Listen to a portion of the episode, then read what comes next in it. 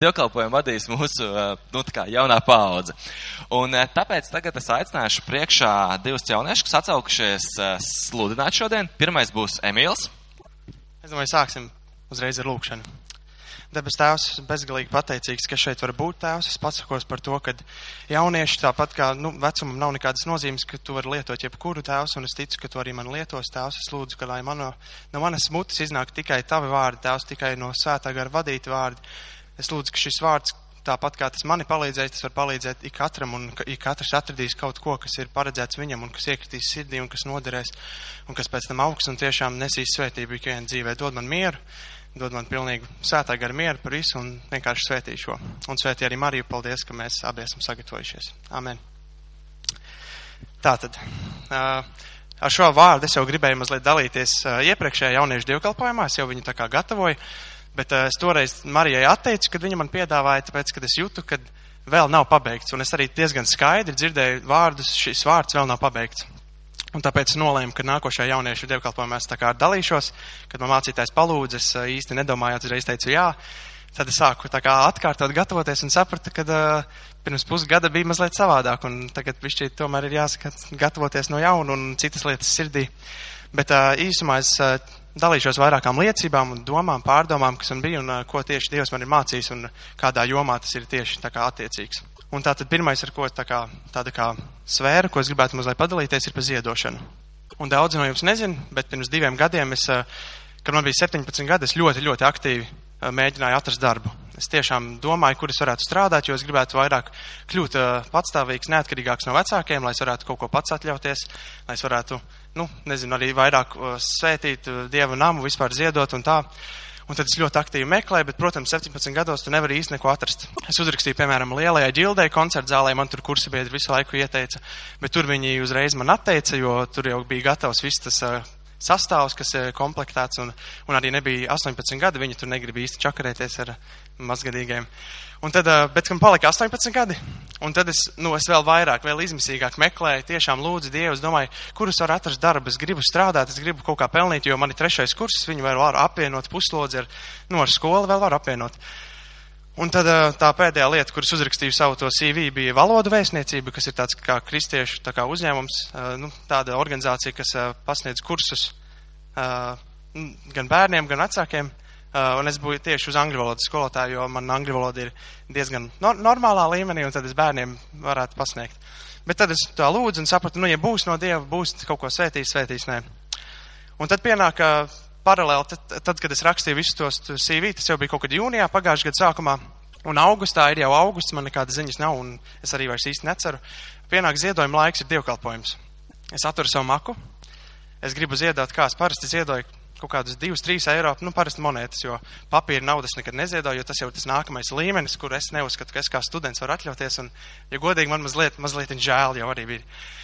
Un, bet es skatos, man nav tās monētas, visas izbeigušās, nezinu, kaut kur es esmu iztērējis, un man ir tikai 5 eiro gabalā, tas ir viss, kas man palicis, maks ir tukšs tikai 5 eiro pēdējie. Un es, protams, ka domāju, nu, negribās jau īsti ziedot pēdējos 5 eiro, varbūt man kaut ko nākošu nedēļu vajadzēs, bet es tās skatos, saņemos ilgi un domāju, labi, ar domu, kad Dievs parūpēsies par mani, ja vajadzēs, tad es arī ieliku tos 5 eiro. Nevis ar domu, ka Dievs redz, Viņš man atmaksās to, ko es daru, mana ziedošana, nevis tas, ka es dodu un tagad Dievs man svētīs, jo Dievs nav mums parādā pilnīgi neko. Tikai ar domu, ka es svētīšu Dievu darbu, tas noderēs ļoti gan šai draudzēji, un uh, es nenomiršu no bada. Drēvis man arī ir, paldies Dievam, man vēl nav jādomā par, uh, par komunālajiem, es dzīvoju ar vecākiem, bet pat ja, pat ja es nedzīvotu, es tik un tā domāju, ka ja Dievs redzētu, ka tas, tas pēdējais, ko es iemetu, no sirds ar mīlestību, ar, ar pateicību, ar tiešām labprātīgi ziedojumu, tad viņš tik un tā parūpētos. Un pēc nedēļas divām es saņemu ļoti, ļoti labas ziņas. Saņemu zvanu no valodu vēstniecības. Viņi saka, ka viņi ļoti labprāt redzētu mani jau tajā nākamajā izlases kārtā uz darbu, jau tā kā apmācības, kur ir vairāki tie tikuši, un arī zvanu no lielās ģildes. Un izrādās, ka viņi, es biju uzrakstījis arī pagājušajā gadā, kad man palika 18 gadi, jūnija sākumā. Viņi teica, ka jā, šogad mums noteikti vajadzēs tur citus uh, klientu apkalpošanas to personālu, un mēs jums tad rakstīsim. Un tad tas bija jūnija sākumā, un visu augustu viņi vispār neziņas nav. Un viņi ņem un pēkšņi man piezvana un saka, ka es tā kā arī jūs esat tikuši uz nākamo kārtu, jūs CV labs, un mēs labprāt redzētu tevi tā kā dzīvē.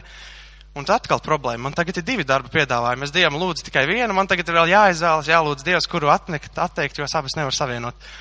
Un tad beigās, protams, es tā kārtīgi izdomāju par lielo ģildi, ka tur ir, nu, filharmonija, kur ir visi koncerti, kur ir or orķestris un tas kā man kā mūziķim tā visa radošā atmosfēra.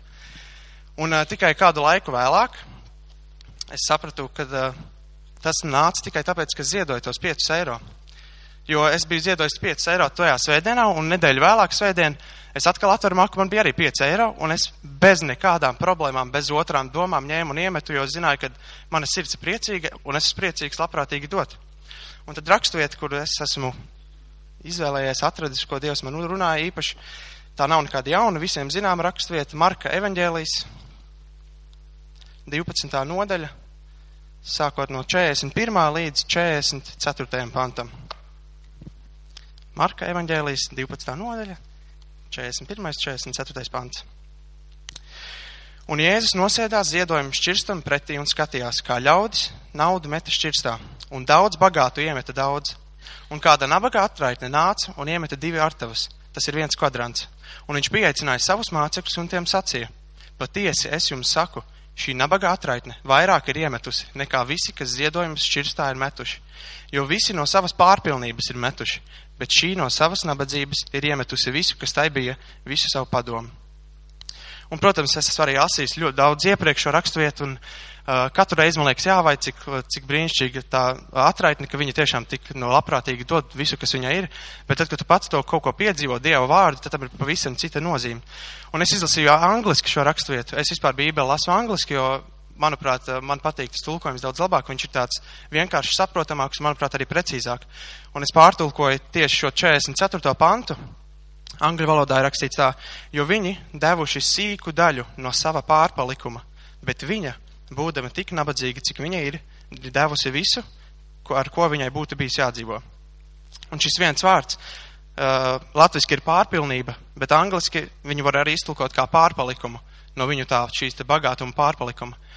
Un tieši tas, tas bija tas, kas, ko es sapratu par tām maniem pieciem eiro, kad es viņu metu iekšā, kad es sākumā negribēju mest iekšā.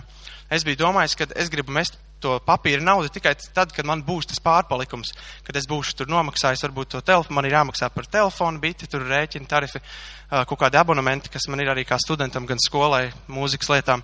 Un tad, kad man ir pārpalikums, ja man ir tiešām tāds labi daudz, tad es saprotu, tad es došu to papīra naudu. Bet tieši var redzēt šeit, ka tas pārpalikums tam nav nozīme, ka tas nav labprātīgi un lielāka vērtība ir tam, ka tev, tev tas ir viss, šī atraitnē, tas bija viss, kas viņai bija, un viņa tiešām, tas gan jau bija vērtīgs, viņai tev bija jādzīvo, un tam ir lielāka vērtība Jēzus acīs.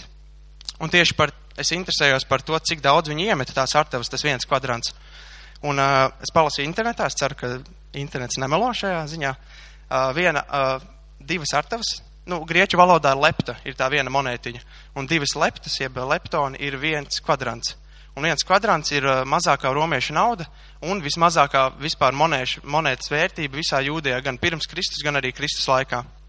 Un uh, cik tas vispār ir daudz? Internets teica, ka tas ir vienāds ar sešām minūtēm vienas darba dienas algas vidējās.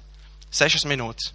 Tas nozīmē, ka nu, mūsdienās tā ir viena desmitā daļa no stundas likmes, ja piemēram, ka tie ir 3 eiro pēc nodokļiem, nu, varbūt tie 30 centi, ar ko šajā atraitnē bija viss atlicis. 30 centi, tās tikai 6 minūtes. Un tad tu saproti, cik, cik tiešām daudz Jēzus, ka viņš nepārspīlēja, ka viņš teica, ka tas ir vēl vērtīgāks nekā viss tas, ko viņa meta. Viņi tur varēja mest cik tūkstoši tur eiro, nu, tā kā vien mūsdienās, ja būtu. Un tam ir pavisam cita nozīme. Un tā otrā tēma, tas ļoti labi ievada mani uz otro tēmu par uzticību. Es nesameklēju Es nesameklēju raksturvietu par uzticību, jo nu, jaunā evaņģēlijā ir visur rakstīts ļoti daudz tiešām. Dievs ir uzticams, tas kungs ir uzticams, uzticies Dievam, uzticies viņam un, un paļaujies uz Dievu. Un, ja jūs tiešām varat atrast jebkurā vietā, bet uh, par uzticību man bija tāda viena doma ienākusi galvā pirms kāda pus, pusgada. Es ar dāvu, manu brāli, vienreiz braucu mājās ar autobusu. Un uh, viņam bija tāds, tāds periods, kad viņš domāja, nu, visu tikai par motorolleriem, par mopēdiem, rolleriem, jebkura saruna noved uzreiz pie rolleriem. Paldies Dievam, viņš ir izaudzis no tā perioda. Tagad viņš domā tikai par motocikliem. Jau nākamā solīta. Bet e, es, būdams mūziķis, man ir tāda, nu, zināms limits, cik es daudz varu uztvert šīs visas sarunas, varbūt minūte, pusotra, un tad jau es aizlidoju savā, savās domās. Un tā arī notika, viņš turpināja runāties, un es tā mazliet aizdomājos. Un es sapratu, jā, ja man kādreiz vajadzētu kādu padomu, kādam, kam uzticēties par rolleriem, es, piemēram, interesētos, es ietu pie tā tuvākā cilvēka, ko es pazīstu, kurš kaut ko saprot no tās lietas, un tas būtu mans brālis. Un tad es nodomājos vēl tālāk, vai jā, vispār mums katram ir kaut kādi cilvēki, piemēram, profesionāļi, piemēram, mehāniķis.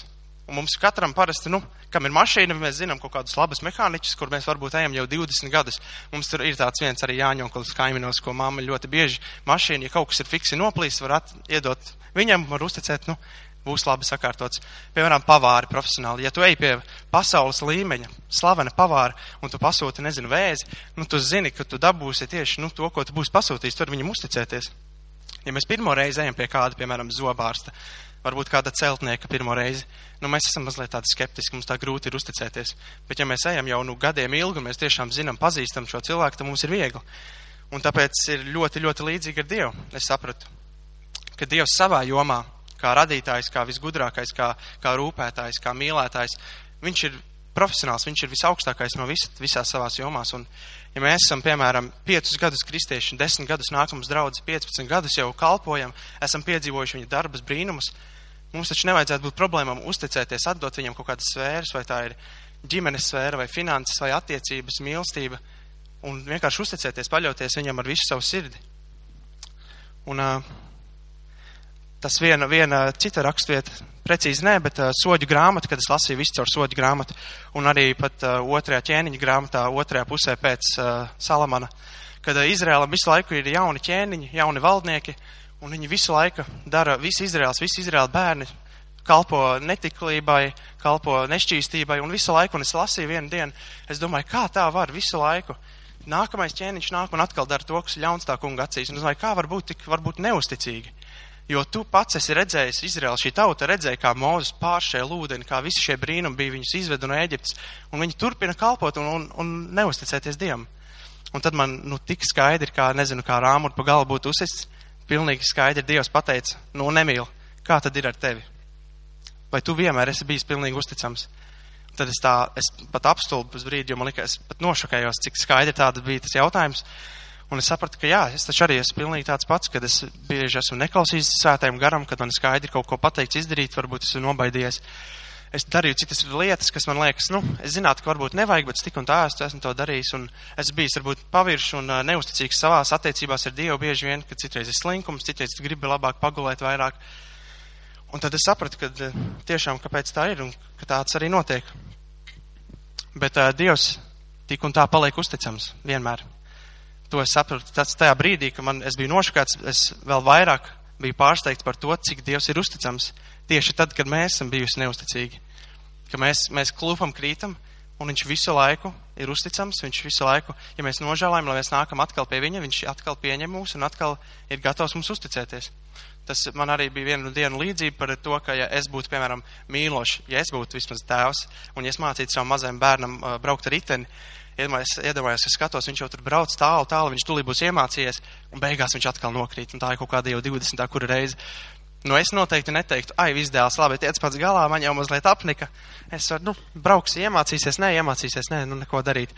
Tas arī par, nu, par Dievu, viņš arī, Dievs jau nebūs tāds īsti, kurš ņems un tev atmetīs, cevišķi tad, kad tu tiešām lūgs palīdzību, jo viņš ir tas pats, kas deva savu dēlu.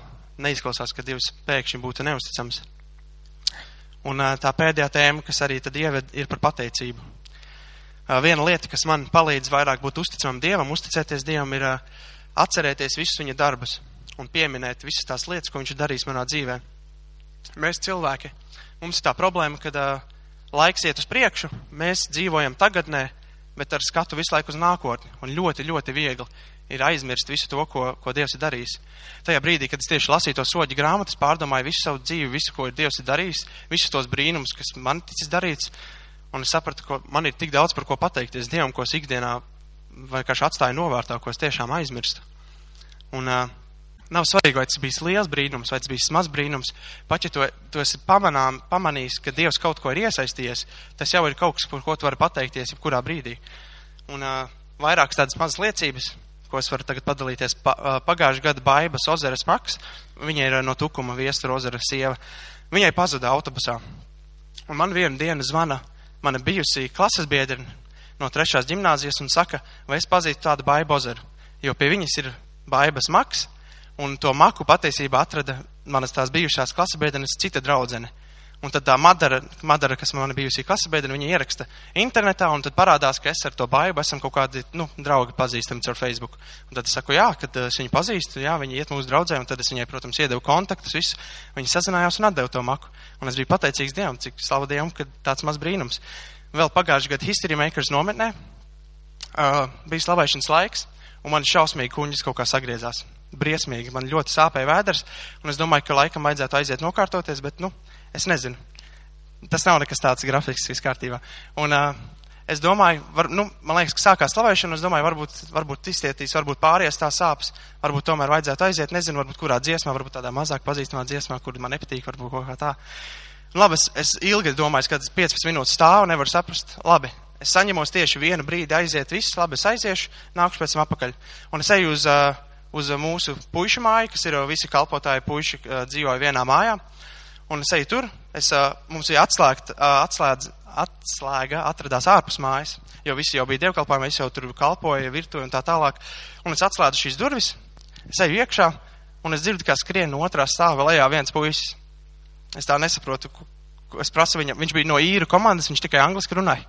Un es uh, nesapratu, ko viņš man teica, iemeslu, kāpēc viņš bija ieslēgts, jo viņam tas akcents īrus nevarēja saprast. Bet tad, kad viņš uh, teica, viņš saprata to, ka viņš tulīt grasījās lekt ārā pa logu, ja es nebūtu atsvērdis durvis. Jo viņš gribēja tā kā tikt prom, un es nezinu, kā viņam tas gadījās, ka viņš ir ieslēgts. Bet, nu, es zinu, Dievs zina, varbūt viņš būtu salauzis kāju, ka viņš lekt ārā pa logu. Un tad arī, paldies Dievam par to. Arī nāk pagājušā nedēļa, tik, tikko laivu braucienā nu, Dievs tiešām neizdibinām darbojas. Es skatos uz Matīs Jāņa roku, viņam bija iededzis pulkstens. Un es tā, nu, bišķi pasmējos, ā, te redz, kā tev iedeg pulkstens. Tad es pastos savu roku un saprotu, ka man pulkstens vispār nav rokā vairs.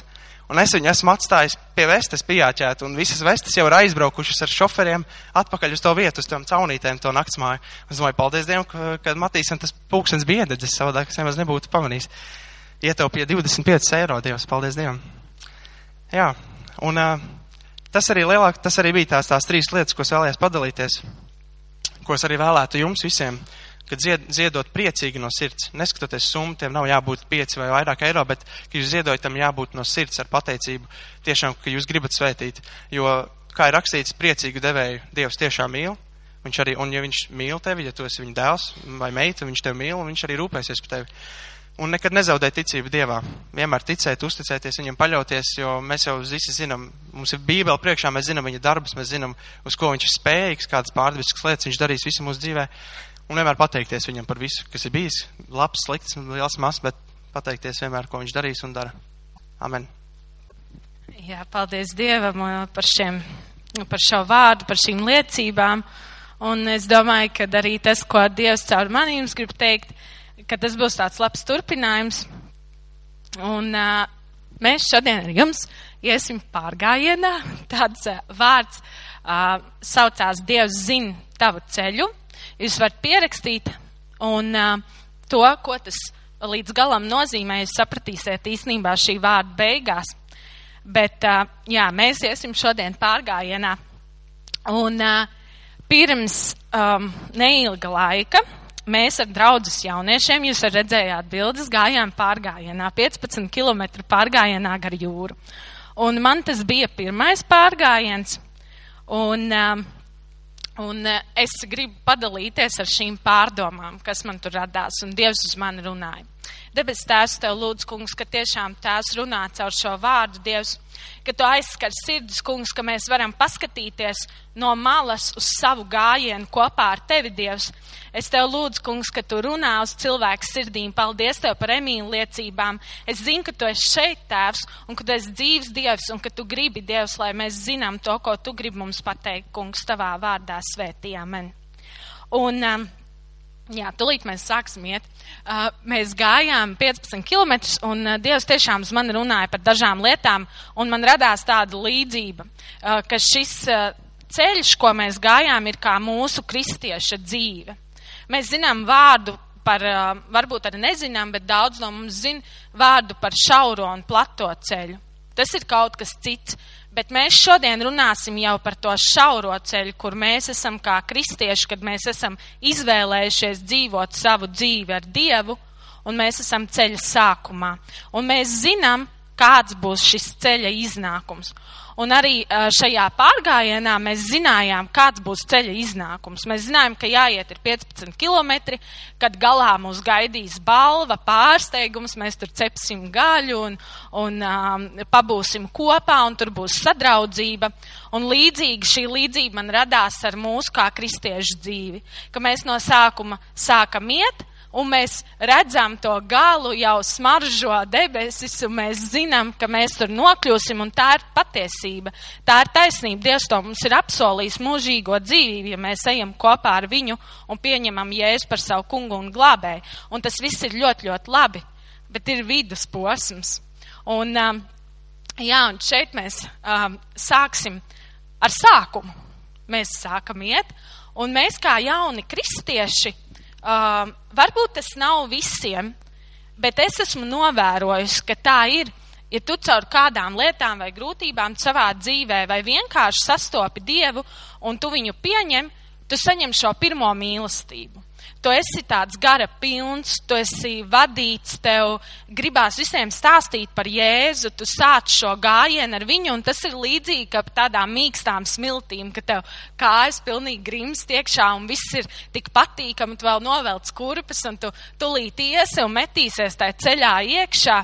Uh, ar Dievu kopā un viss būs kārtībā, un tu jau redzi to galu, mūžīgo šo te māju vietu, ko Dievs ir apsolījis. Tu sāc iet un viss ir kārtībā.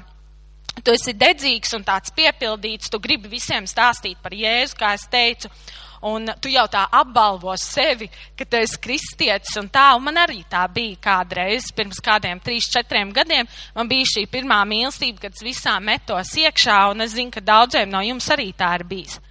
Bet tad mēs nonākam um, šajā vidus posmā. Un tad mēs parunāsim par to, kas tad notiek pa vidu. Un es šo visu ceļa posmu, pa vidu un sākumu salīdzināju un sameklēju tādu līdzību salmos, kad īstenībā ļoti, ļoti labi to var redzēt, kā Dāvidam iet. Un uh, divās rakstu vietās ir īpaši, kad ir šis te labais uh, viss, un tad pēkšņi uh, notiek kaut kas pilnīgi neparedzams, un tad viņam ienaidnieki uzbruk, un tad viss ir atkal kārtībā, un visu laiku ir kaut kādas tādas pārmaiņas lielas. Un, un vienā mirklī uh, tu sāc pagurt, un tu nomet jau savas mantas, tu nomet uh, savu somu, tu nomet visu un tu varbūt domā, nē, nu, es negribu iet tālāk, man pietika, man pietika ar tiem pirmajiem uh, trīs, diviem kilometriem, man jau viss sāpēs un, un tā, un uh, tu negribi vairs, tu gribi padoties. Un, bet tad tu atceries, bet ir taču galā tas labais, ir taču tā balva galā, ko Dievs ir tev solījis, kad ir šī mūžīgā dzīvība. Un tad tu atkal saņemies, tu saņemies, tu atkal kalpo, tu kaut ko dari savā dzīvē, tu dari draudzē, tu dari ar cilvēkiem, tu sāc atkal runāt par evaņģēlī, kāds no brāļiem, māsām Kristu tevi stiprina, varbūt lūdz par tevi, un, um, un viss ir tā kā kārtībā, un tu ej, ej, un tad tu ieraugi akmeņus, tu redzi ārprāts, kad uh, kad ir šie te akmeņi, kad tu uh, nevar tikt viņiem pāri, kad ir atkal viens milzīgs ceļa posms un, uh, un uh, tu nezini, ko lai tagad dari, kad ārprāts tulītas ar tām kājām iešu. Un tad, um, jā, man tur bildi vēl, ka tu esi tā kā uh, piesēdis uz laivas pirms tam, ka tev ir viss tā mierīgi, ka tu tur var atpūsties tajā ceļā, un tad seko šīs grūtības atkal ir, um, nāk priekšā atkal kāds posms, ko tu nevari saprast un izprast, kāpēc tev tā ir. Un, un mēs atvērsim psalmu devīto, lai es jums nestāstītu muļķības. mēs tulīt par to pārliecināsimies, kad um, ar piemēru no psalmiem. Devītais psalms no 10. līdz 12. pantam. Devītais psalms no 10. līdz 12. pantam. Un tur ir rakstīts tā, Tas kungs ir patvērums tam, kas apstviet, apspiests, tvērsme bēdu laikā. Uz tevi paļaujas, kas pazīst tavu vārdu, jo tu, kungs, nepamet tos, kas tevi meklē. Dziediet tam kungam, kas mājo ciānā, tautu vidū, daudziniet viņa darbus. Un šeit ir tas moments, kad mēs slavējam Dievu šajā te gājienā un laikā, un mēs sēdējām uz tās laivas un atpūtāmies. Un tad ir 13. psalms no 2. līdz 4. pantam. 13. psalms no 2. līdz 4. pantam šie, pant, šie psalmi ir īsnībā viens no otra ļoti maz attālumu. Tātad 13. psalms no 2. līdz 4. Cik ilgi, kungs, tu neliksies zinis par mani, cik ilgi tu apslēpsi savu vaigu no manis, cik ilgi man būs glabāt rūpes savā dvēselē, dien dienā bēdāties savā sirdī, cik ilgi mans ienaidnieks pacelsies pār mani. Un šeit es tā pastījos ārprāts, tā ir riktīgi mūsu dzīve īstenībā, ka tā ir, ka tu ej šo te ceļu, tu esi iesāciet, tu esi vidū, un tas vidus patiesībā ir tas grūtākais, manuprāt, šī kristieša dzīve, ka tu redzi iznākumu, tev ir bijis labs sākums, bet tev kaut kur, kaut kur tu esi, kādā posmā. Un es zinu, ka daudz no jums ir katrs savā posmā, cits varbūt ir tuvāk jau tam galam, cits nav, cits varbūt ir pašā sākumā. Un ir šie te pārbaudījumi, par ko mēs lasījām psalmos, un, viņš, un ir šis te prieks, par ko mēs lasījām psalmos. Un, um, un tad uh, tad ir tā, uh, vēl tāda lieta, ka katrs no mums šai ceļā izvēlās nedaudz citādāk iet. Mums šajā pārgājienā arī bija uh, daudz un dažādi gājēji, un cits gāja varbūt pa smiltīm. Es, piemēram, visu laiku meklēju smiltis. Es meklēju, kur nu, būs tā patīkamāk iet, un kur man, un citi vienkārši gāja pa ūdeni, uzlocīja savus bikses un metās cauri, un, un, uh, Un es arī to līdzināju kā ar mūsu tā kristiešu dzīvi, ka daudz no mums ir gatavi visur mesties iekšā, uzlok savus piedurkņus un nāk visur kalpo un dara, cits apiet riņķī, tur, nu, es paskatīšos, vai es atnākšu tikai uz, nezinu, uz kādu vienalga pasākumu vai dievkalpojumu vai kā, un arī tas ir dažādi. Arī tas ir dažādi, bet Dievs visiem kristiešiem to iznākumu, mums arī visiem, kas mēs gājām pārgājienā, deva vienu to iznākumu. Un tas, ko tu izdari tur pa vidu. Un, un tad pašās beigās šī ceļa mūs sagaida mērķis. Tas, ko mēs tik ilgi gaidījām, kad mēs varam šo te uh, uzvaru uh, teikt, ka mēs esam nogājuši, mēs esam to izdarījuši, Un, un kad mums, mēs vēl tā ar, varam pārunāt ar Dievu, ko mēs tur, kā mums bija viss šis gājiens un, un kā tad mēs tur rīkojāmies un kā mēs tur rīkojāmies. Un kāpēc to stāstu? Tāpēc, ka neviens vēl nav līdz galam aizgājis. Jo mēs visi esam kaut kādā tajā posmā, par kur es tagad runāju. Un, un tagad es atgriezīšos pie tā nosaukuma, ka Dievs zina tavu ceļu. Ir viss šis gājiens, par ko mēs runājam, tur sākums, vidus un beigas. Bet tad ir viena lieta, ko uh, Dievs pasaka visiem, pilnīgi visiem, kas sāk iet šo te ceļu, kristiešiem, un uh, mēs atvērsim Jozos grāmatu, pirmo nodaļu. Jozos grāmata, pirmā nodaļa, visa Jozos grāmata. Un es lasīju šo Jozos grāmatas pirmo nodaļu vairākas reizes, un man radās tāda līdzība. Es jums arī to paskaidrošu. Um, mēs tikko izgājām tādu ceļa posmu, un um, ko Dievs, kāds Dievs ir šajā ceļā? Tur bija mūsu grūtības, tur bija mūsu varēšanas, tur bija mūsu nevarēšanas. Mans nomests sēdējām uz laivu, meklējām īsāko ceļu, garāko ceļu, apgājām, neapgājām. Bet ko Dievs par to visu pasaka? Un um, Jozos grāmatā pat pirmā nodaļa, kad pēc Mūzes nāves tiek pilnvarots Jozoā par to, ka viņam ir jāaizved tālāk šī Izraēla tauta. Un šo Izraēla tautu es salīdzināšu kā mūsu dzīvi. Kad tas viss, kas mums ir uzticēts, ko Dievs mums katram ir piešķīris šeit uz zemes, kā kristiešiem, mūsu laiks, mūsu vieta, kur mēs atrodamies, mūsu draudz, mūsu dzīve. Un ko tad šī rakstvieta mums saka? Pirmais pāns, līdz galam es lasīšu, ne līdz devītajam es lasīšu. Un notika pēc Mūzes tā kunga kalpa nāves, kad tas kungs runāja uz Jozu un Nūna dēlu, Mūzes palīgu. Mans kalps Mūzes ir miris, tad nu celies ar visu šo tautu un ej pāri Jordānai uz to zemi, ko es viņiem Izraēla bērniem gribu dot.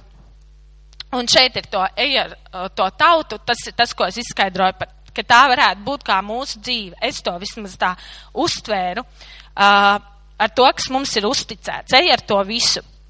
Visas vietas, kur jūs savu kāju pēdas liksit, es esmu jums devis, kā es to esmu mozum solījis. No tūkstneša un arī no Libanona apgabala līdz pat lielajai upē, līdz Eifratas upē, visa hetiešu zeme līdz lielajai jūrai pret saules rietu. Tās, lai ir jūsu robežas. Un jau šī rakstvieta parāda to, ka tas ir kaut kas liels, kur Jēzus šīs, uh, kur Dievs šīs te robežas noliek, ka tas īstenībā ir kaut kas liels arī mūsu dzīve, ka tas ir svarīgi, kā tu iesi šo ceļa posmu, ka tas, ko tev Dievs ir uzticējis aizvest un viņš tev iedod kaut kādas robežas, tas ir tikai tev, tāda tava dzīve.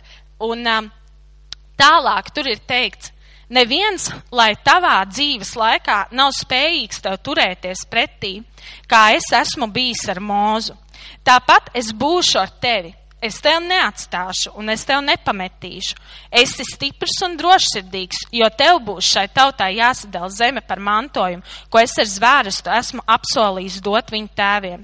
Esi stiprs un drošsirdīgs, ka tu turi un dari visu bauslību, ko Mūzus, mans kalps, tev ir pavēlējis. Nenovērsies no tās ne pa labi, ne pa kreisi, ka tev labi izdodas visur, kur vien tu iesi lai tava mute nepamet šo bauslības grāmatu, bet apdomā dienām un naktīm, ka tu vari turēt un darīt visu, kas tur ir rakstīts. Tad tavi ceļi tev labi izdosies, un tad tev laimēsies. Un pēdējais devītais, ko es lasīšu, man likās visspēcīgākais pants šajā. Um, Vai es neesmu tev pavēlējis, esi stiprs un drošs, nebīsties un nebaiļojies, jo tas kungs tavs dievs ir visur ar tevi, kur vien tu iesi. Un šajā rakstu vietā, um, paskatoties no malas, mēs tā kā varam tagad apskatīties uz savu to gājienu, uz savu kristiešu dzīvi. Es uz savu kristiešu dzīvi tā paskatījos, kad es eju šo te ceļa posmu un es kaut kur esmu, un Dievs man pasaka šos vārdus. Un kāpēc to saka? Tāpēc, ka Daudziem no mums uznāk šis te pagurums, šis te brīdis, kad tev īsti tu esi kristietis, tu nāc uz draudzi, viss ir kārtībā, tu šad tad arī kalpo, bet tu saskaries uz laiku ar kaut kādām lietām un tu zini to gala rezultātu, bet ko izdarīt pa vidu?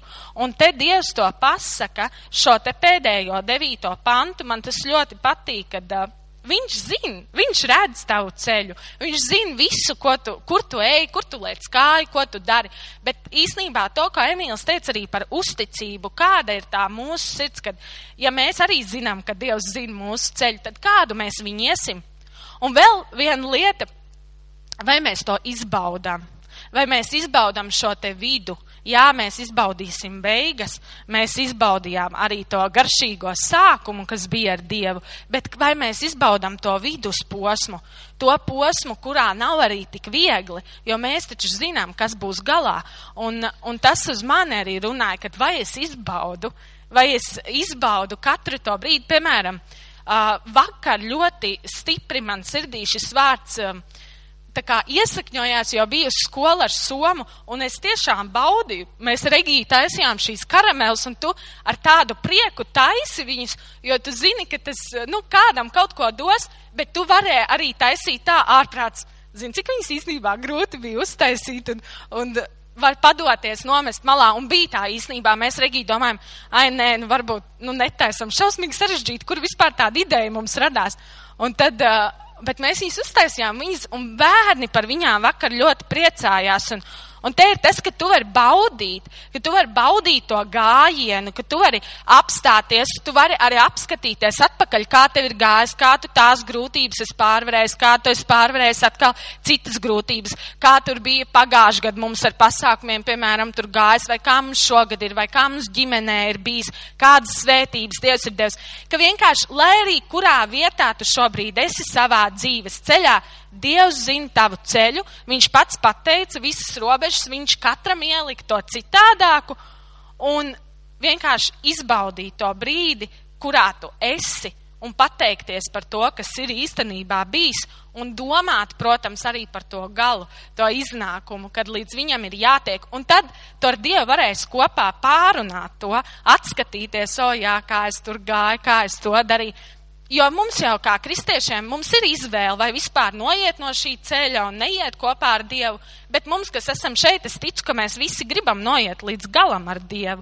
Un tas, ko tu dari pa vidu, Tas, ko tu dari tagad, kā tu kalpo, ar kādu sirdi tu esi draudzē, ar kādu sirdi vispār esi kā kristietis, kāds tu esi ģimenē, ko tu saki, ko tu runā, ko tu domā, ka tas viss, manuprāt, ir ļoti svarīgi. Tas ir šis ceļa posms. Var jau visu laiku gaidīt iznākumu, bet tas svarīgākais tas, kur tu šobrīd esi, manuprāt, ar Dievu, jo tev pieder šis laiks, ko Dievs tev ir devis.